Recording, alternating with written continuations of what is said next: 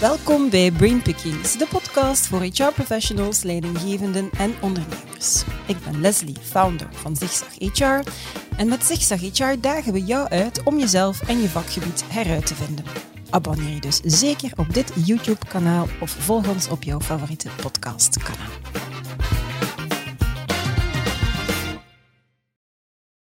Een podcast over functieclassificaties deze keer. De methode waarmee we de jobfuncties in onze organisatie analyseren, evalueren en in een bepaalde rangorde gieten.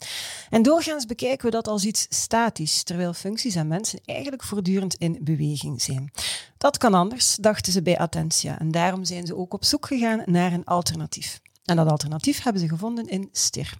Dat is een model dat veel verder gaat dan wat we vandaag in België gewoon zijn op het vlak van functiewaardering en dat ook een beter antwoord biedt op de huidige HR-uitdagingen waar elke organisatie vandaag mee kampt. Functiewaardering eenvoudiger, flexibel en budgetvriendelijker maken. Daar gaan we het de komende podcast over hebben. En dat gaan we doen samen met Anouk van Gils, manager Total Reward Consulting bij Attentia. En ze is gepokt en gemazeld in HR transformation projecten, grading, compensation en benefits, competentie management en performance management.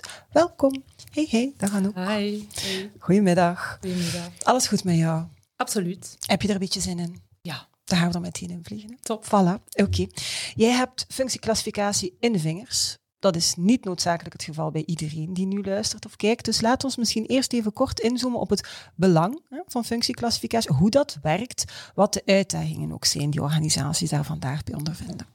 Ja, zoals dat je ook al zei in je inleiding, hè, functieclassificatie, dat is echt iets om ja, structuur te brengen in je organisatie. Het helpt heel erg voor organisaties om um, ja, het als, als basis te gebruiken voor een eerlijke verloning toe te passen in organisaties. Ook om um, ja, op, een, op een heldere manier loopbaanpaden en dergelijke zichtbaar te krijgen. Um, ja, je doet dat eigenlijk door al, aan al die veelheid aan functies, om die eigenlijk te gaan groeperen. Je gaat die groeperen um, naar gelang zwaarte, toegevoegde waarde aan de organisatie, um, het probleemoplossend vermogen dat die functies nodig hebben. En dat zijn zaken waarop dat je eigenlijk die functies zal clusteren in groepen of in, of in klassen. Hè. um, en op die manier heb je eigenlijk je basis en zorg je dat er een structuur in die organisatie is die dat meer werkbaar is dan Ja. dat losse functies dat zijn. En die functieclassificatie bekomen, dat kan je op veel verschillende manieren doen. Hè. Dat kan je ehm, door dat paarsgewijs te gaan vergelijken met elkaar, of die in een bepaalde rangorde te plaatsen, of door analytische ehm, systemen te gebruiken, of ja, ons systeem STIR te gebruiken. Ja. Oké, alright. Nu, nu dat we de basics dan toch hè, voldoende kennen, schakel ik eigenlijk graag meteen over dan naar, naar STIR. Want dat is dan een, een nieuwe functieclassificatiemethodiek hè, op de markt die compleet anders kijkt naar functiewaardering dan toch wat we vandaag in België gewoon zijn. En jij bent, net als jouw collega's bij Attentia, vertrouwd met al die gangbare, hè, klassiekere modellen. Je hebt er ook jarenlang mee gewerkt. Maar je bent dan ook gebotst op een aantal tekortkomingen daarvan, hè, waar traditionele functiewegingsmethodieken analytisch zijn opgebouwd. Je hebt het zelf net ook al aangegeven, gericht zijn op bekomen van een mathematische eindscore voor de functie.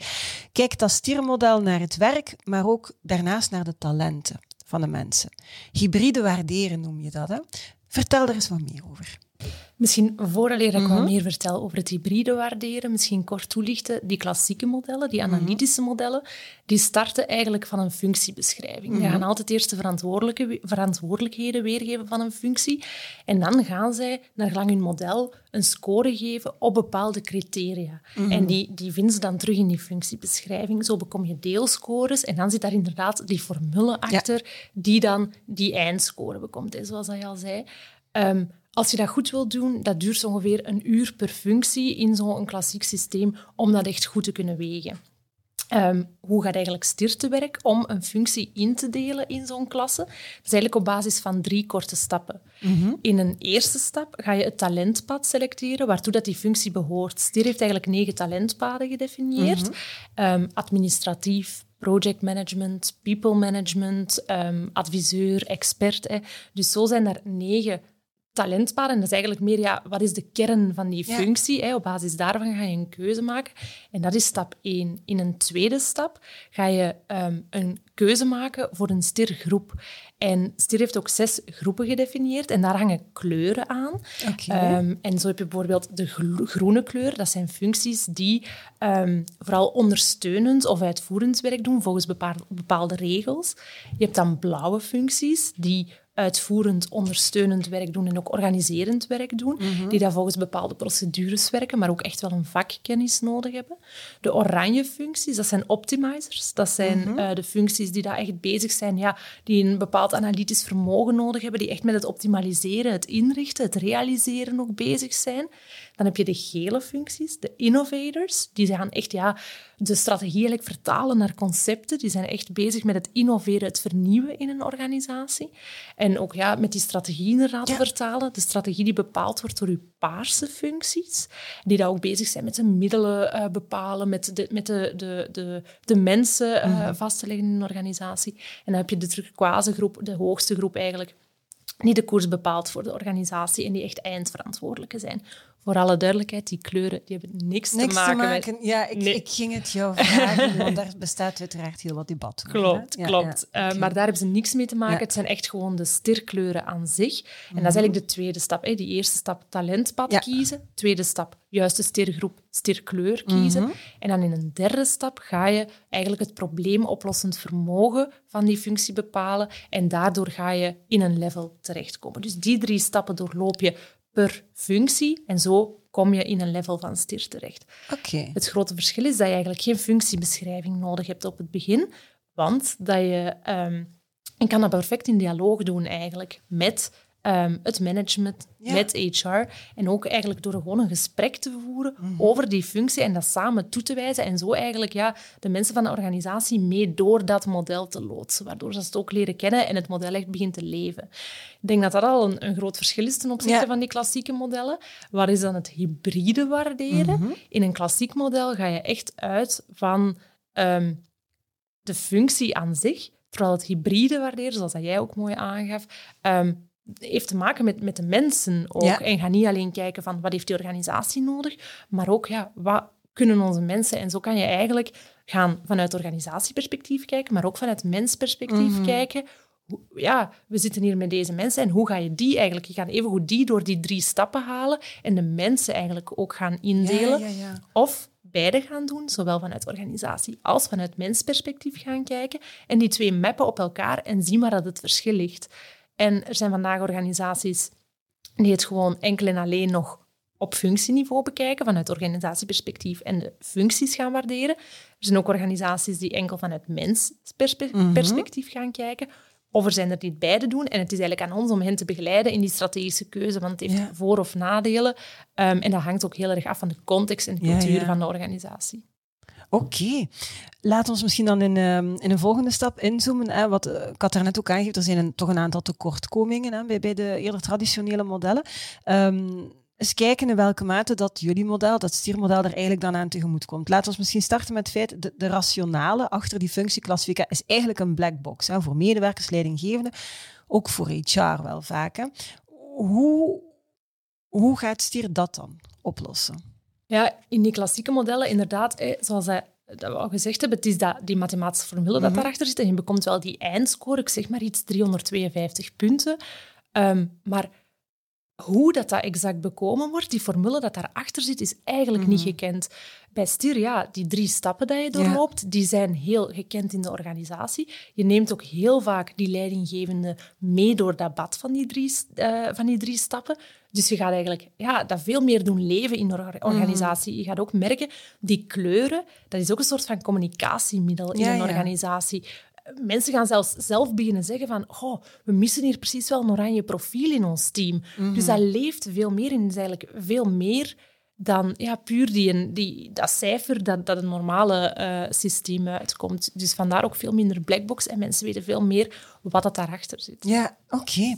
Tweede tekortkoming dan is het feit dat zo'n functieclassificatie een cijfer is, zonder verduidelijking. Een cijfer zegt uiteraard en niet zoveel. Bij stier is dat dan anders. Hè? Klopt. We komen eigenlijk nog altijd een cijfer uit Mhm. bij STIR, maar ook veel meer dan dat. Mhm. Als we eigenlijk die drie stappen doorlopen, dan bekomen we ook een omschrijving van ehm, het, het probleemoplossend vermogen van die functie, de autonomie van de functie, de coördinatie van die functie. Dus stel, je lo- doorloopt die drie stappen, je zegt van, ah ja, oké, we hebben een, eh, een, een adviesfunctie in het talentpadadvies. Dat is een, een gele functie, oké, die komt uit in dat stirlevel. Dan ga je eigenlijk een omschrijving krijgen voor wat je kan verwachten van een functie door op dat talentpadadvies met dat level. En dat is echt ja, een omschrijving van de communicatieskills, de planningshorizon, de coördinatie, de autonomie. Dus veel meer Ja. dan dat cijfer aan zich. En stel je zou een ander talentpad selecteren, dan zou je ook weer een andere omschrijving. Dat zijn eigenlijk een soort van differentiërende factoren die eigenlijk genoteerd worden en die daar ook een uitkomst van zijn. Ja, alright. Derde probleem, enkel de stoel wordt gewogen, dus de functie die ingeschaald wordt, niet de persoon die op die stoel hè, zit.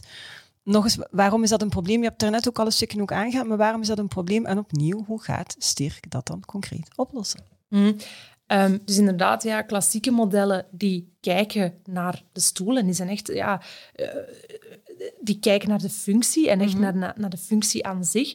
Terwijl dat wij zeggen van ja, je hebt inderdaad dat theoretische element. We moeten naar de functie kijken en naar dat wat de organisatie nodig heeft. Maar je moet ook wel naar de realiteit kijken en naar de mensen die in die organisatie zitten. En Stier eh, benadert dat heel mooi en zegt van kijk, je hebt enerzijds dat wat je mag doen, maar anderzijds ook dat wat de mensen willen en kunnen doen. En die twee moeten wel echt op elkaar Ja. afgestemd worden. En daar kan je ook door dat hybride waarderen, kan je ook gaan kijken van oké, zitten we hier niet met mensen die eigenlijk ja, meer kunnen dan wat er van hun functie verwacht wordt? Ehm, en kunnen we die daar ook niet beter op inzetten om tegemoet te komen aan hun talenten? Of anderzijds, van ja, ehm, we, we, hebben, we hebben mensen die eigenlijk niet 100% op dat niveau zitten. Oké, hoe gaan we dan daarmee om? En, en veel meer ook dan mensperspectief in Ja. kaart brengen. Ja. Klassieke modellen zijn heel goed om structuur in een organisatie te brengen. Ik denk dat een van de eerste zaken was dat je eigenlijk bij de toelichting eh, hebt, hebt aangegeven. Functies gaan groeperen, maar ze geven uiteindelijk weinig inzicht in de organisatienoden. En dat is dan eigenlijk meteen het vierde probleem hè, wat we bij klassieke modellen hebben. Het maakt eigenlijk niet inzichtelijk waar dat de tekorten of misschien zelfs overschot aan, functies zitten. Ook hier bij Stier, dat is anders door dan met die kleuren te werken. Of, Ja, ja. Ja, klopt. Eigenlijk als je alle functies van je organisatie door die drie stappen gaat Mhm. eh, halen, dan ga je eigenlijk een matrixstructuur uitkomen. Aan de linkerkant, je verticale as, zie je dan eigenlijk je eh, levels en die kleuren ook. Mhm. En aan de bovenkant, eh, op de horizontale as, zie je departementen. En zo kan je heel mooi weergeven van oké, wat voor type functies zitten er eigenlijk per departement? En zo krijg je ook dingen zichtbaar. Hè. Zo kan je bijvoorbeeld heel gemakkelijk zien van oké, in dit departement hebben we heel veel blauwe functies. Die zullen heel goed zijn in het uitvoerend werk en zullen, zullen heel goed dat werk doen, maar er ontbreken oranje functies. En we merken eigenlijk dat er geen mensen zijn die bezig zijn met dat departement ja, te kijken naar waar kunnen we optimaliseren, hoe kunnen we dat departement naar een iets hoger niveau brengen.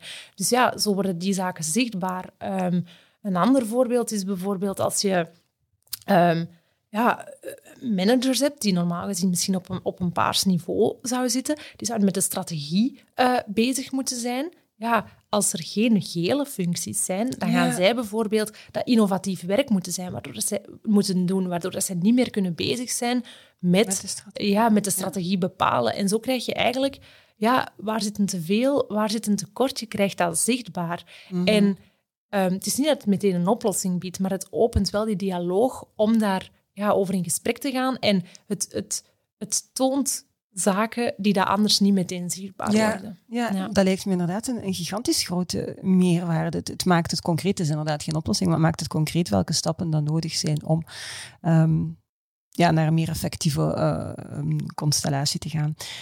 Vijfde probleem dat jullie met de stier oplossen is dan het feit dat klassieke modellen een, een wegingstoel zijn, geen overzichtstoel.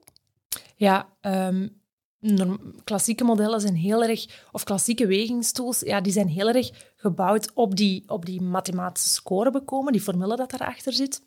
Zorgen dat je de juiste scores kan ingeven en dat er wel een rangorde kan bepaald worden. Maar STIR is veel meer dan dat. Mhm. Enerzijds ga je wel die, eh, die drie stappen doorlopen om eigenlijk dat level te bekomen. Maar er zit ook een, een, een, een- zoals gezegd, hè, die matrixstructuur zit daarin, waarin dat je links inderdaad die levels hebt bovenaan die departementen. Maar je kan bijvoorbeeld ook heel mooi switchen in die tooling naar een talentoverzicht. En dat wil dan eigenlijk zeggen dat je bovenaan niet je departementen gaat hebben, maar wel je talentpaden, zoals ik, waarmee ik eh, gestart ben. Hè. Bijvoorbeeld advies, waardoor je eigenlijk alle functies die in het talentpad advies zitten, dat je die allemaal op één eh, kolom gaat krijgen en dat je ook ja, die interne mobiliteit veel zichtbaarder Ja, ja. krijgt naar de mensen toe. Je gaat eh, kunnen kijken van, ja, je hebt, je hebt wel een functie binnen HR, maar bijvoorbeeld binnen finance zijn er ook ad- adviesfuncties. Hè? En misschien is dat wel weer eens een, een, een nieuwe stap voor jou als je een beetje buiten je eigen domein wil gaan Mhm. kijken. Hè? Dus dat zijn zaken die daar ook zichtbaar in worden en die heel flexibel zijn in die tool. Het is echt één, ehm, ja, één druk op de knop, Zo bij wijze simpel, van ja. spreken. Ja. En wat je ook ehm, kan weergeven, is bijvoorbeeld, stel je, je wilt een talentpad HR weergeven, kan je eigenlijk alle functies binnen HR heel mooi naast elkaar zetten. Daar zie je dan ook telkens die differentiërende factoren verschijnen. Hè, wat dat er verwacht wordt als je bijvoorbeeld naar een nieuwe kleur overstapt. En daar kan je dan ook nog eens verantwoordelijkheden aan toevoegen. Ja. Dus waar eigenlijk bij een klassiek model je functiebeschrijving de input is van je weging, is dat eigenlijk bij STIR soms de output. Ja, ja, en, ga je eigenlijk naar, op een andere manier daar naar kijken. Ja. Oké. Ehm, het laatste probleem, denk ik, dat, we, dat, dat Stier toch wel wat tackelt, is het zorgt ervoor dat HR een beetje terug in die driver's seat kan gaan zitten, wat zeker niet het geval is bij klassieke modellen, want daar is uiteindelijk toch het consultancybedrijf die de eigenaar blijft, waardoor dat je elke keer als je dan een wijziging wilt overen aan de functie, terug moet gaan en daar dan ook uiteraard eh, voor gaat betalen, wat dat het proces duur maakt en omslachtig maakt. Klopt. Ja, ja ik, heb, ik heb jarenlang ook zo gewerkt en vanuit ehm, het wegen eh, begrijp ik dat ook uiteraard. Hè. Dat zijn vaak, ja, dat is, dat is moeilijker opgebouwd, waardoor ze het ook moeilijker in de handen kunnen leggen van de organisatie. Dat is uiteraard ook goed voor de portemonnee van, de, van de consultancybedrijven, maar vanuit klantenperspectief is dat niet helemaal logisch dat je je eigen model niet kan onderhouden. Um, en dat is ook wel heel goed aan STIR. Wij helpen hen bij het implementatieproces en nemen HR daar zodanig in mee dat ze het ook nadien zelf kunnen onderhouden. Uiteraard blijven wij aanwezig op de achtergrond, moesten zij vragen hebben. Maar wij kunnen wel perfect zeggen van, kijk, je kan dat zelf onderhouden en je kan nu zelf je functies um, ja, wijzigen. En, en ook, ja, een organisatie is voortdurend in beweging. Hè? Ja, ja. Dus die kan je dan um, ja, op dat moment ook zelf aanpassen naar, uh, naar hoe dat het hoort. En moeten ze daar dan op een of andere manier in bijgespijkerd worden op gerichte tijdstippen? Um, in principe, eens dat je het model kent, mm -hmm. gaan, ze, gaan ze dat ook kunnen blijven doen. Maar als er bijvoorbeeld nieuwe functies in een organisatie mm -hmm. zijn, die voor hen ja, moeilijker in de vingers liggen, dan is het altijd aangeraden om wel een ja. keer af te toetsen um, en om, om ons gewoon een keer ja, als advies erbij te vragen. Om zeker te zijn ja, dat, ze, dat ze het op de juiste manier benaderen. Ja, want dat ja. vind ik toch ook wel vrij relevant natuurlijk. Tuurlijk, ja. Um, nu, het model vormt ook een basis voor andere HR-processen. Interne mobiliteit, je hebt er daarnet ook al een stukje naar verwezen. Verloning, talentmanagement. Het biedt eigenlijk een beetje een gemeenschappelijke taal dan hè, voor, voor HR, voor management, voor medewerkers, waardoor dat iedereen met diezelfde bril kan kijken naar werk en naar de mensen die dat werk doen. Het is gedigitaliseerd in een gebruiksvriendelijke online tool, waarmee organisaties snel en pragmatisch een functiematrix eigenlijk kunnen gaan bouwen en onderhouden. Waarderen van mensen volgens talent, ervaring en niveau. Dat zijn allemaal voordelen dat ik gevonden heb bij het voorbereiden van de podcast. Zijn er nog voordelen? Dat is al een mooie opleiding, hè? maar er zijn, allee, ik denk een belangrijke daarbij is dat ook het STIR-model is opgebouwd met kennis vanuit de klassieke modellen. Mm -hmm. Waardoor dat we eigenlijk nog steeds kunnen converteren naar die klassieke modellen en daarbij ook die marktinformatie nog steeds kunnen linken mm -hmm. aan het model. Dus het is niet dat het enkel en alleen een functieclassificatiemodel is, of jawel, dat is het wel, mm -hmm. maar het kan perfect gelinkt worden aan uh, verloningsdata op de markt. Ja. En dat is natuurlijk wel een heel belangrijke, om dan nadien ja. het verloningsbeleid uh, daar ook aan te koppelen. Ja. Um, ik denk een ander voordeel is dat het, dat het heel... Um, het, is, het is heel dynamisch. Het is heel snel. Het is, het is eenvoudig. Ja, zoals ik al zei, functies en organisaties zijn heel erg in beweging. Mhm. Klassieke modellen, ja, een onderhoudsproces daar, dat neemt heel veel tijd Ja. eh, in beslag. En dat is, dat is bij Stier niet het geval. Ja. Dat is veel dynamischer en veel flexibeler om mee om te gaan. Om, mee- Mhm. om, om in te spelen op wijzigingen eigenlijk. Ja, die er eigenlijk effectief constant zijn, want we hebben het er ook dagdagelijks over. Hè. Ehm, nu, het steermodel is eigenlijk ja, een uniek concept dat jullie nu exclusief aan Belgische bedrijven aanbieden. In Nederland en internationaal is het eigenlijk al een succes, hè, heb ik begrepen. Is de Belgische markt, die toch wel een beetje traditioneel genoemd mag worden, is die daar klaar voor? Ik denk het wel. En ik denk zelfs meer, ik denk echt dat de Belgische markt hierop aan het wachten was. Oké. Ehm, ik, er bestaan zoveel klassieke modellen die goed onderbouwd zijn, maar die, dat we zo, zoals dat we ook aangehaald Mhm. hebben, ook wel wat beperkingen hebben. En er, is, er was tot op heden geen alternatief. En vandaag is er wel een model op de Belgische markt dat eigenlijk tegemoet komt aan die uitdagingen van die bestaande modellen. En ik denk echt dat België hierop zat te wachten. Ja, ze hebben er sowieso nood aan. Ik hoop dat ze niet te veel last hebben van koudwatervrees, of hoe noemt dat dan, om ermee aan de slag te gaan. Maar dan moeten ze waarschijnlijk eens met jou contact opnemen of eens gaan kijken naar de website of naar een whitepaper. Wat dat ze dan meer informatie vinden. Heel graag. Ik wil heel Ja. graag meedenken eh, om te kijken hoe dat Ja. we het op een organisatie kunnen afstemmen. vind het in ieder geval super boeiend. Ik ga het zelf ook verder opvolgen, want het was voor mij ook compleet onbekend. Maar ik kan me inbeelden dat het voor heel veel mensen in België en in HR tot op heden nog vrij onbekend. Absoluut, ja. Dankjewel voor eh, de heldere toelichting. Merci. Heel graag gedaan. Dankjewel ook eh, aan jullie om te kijken of om te luisteren. Vond je deze podcast fantastisch? Vertel dat dan natuurlijk aan zoveel mogelijk mensen verder. Ga zeker eens gaan kijken. We zullen het linkje toevoegen naar de website van Attentia of naar een download of een whitepaper rond Stier, zodanig dat je ook op je gemak nog eens kan kijken waarover we het hier zo al gehad hebben. Allerbelangrijkste weet je nu natuurlijk al heel erg lang. hè. It's a great time to be in HR. Tot de volgende.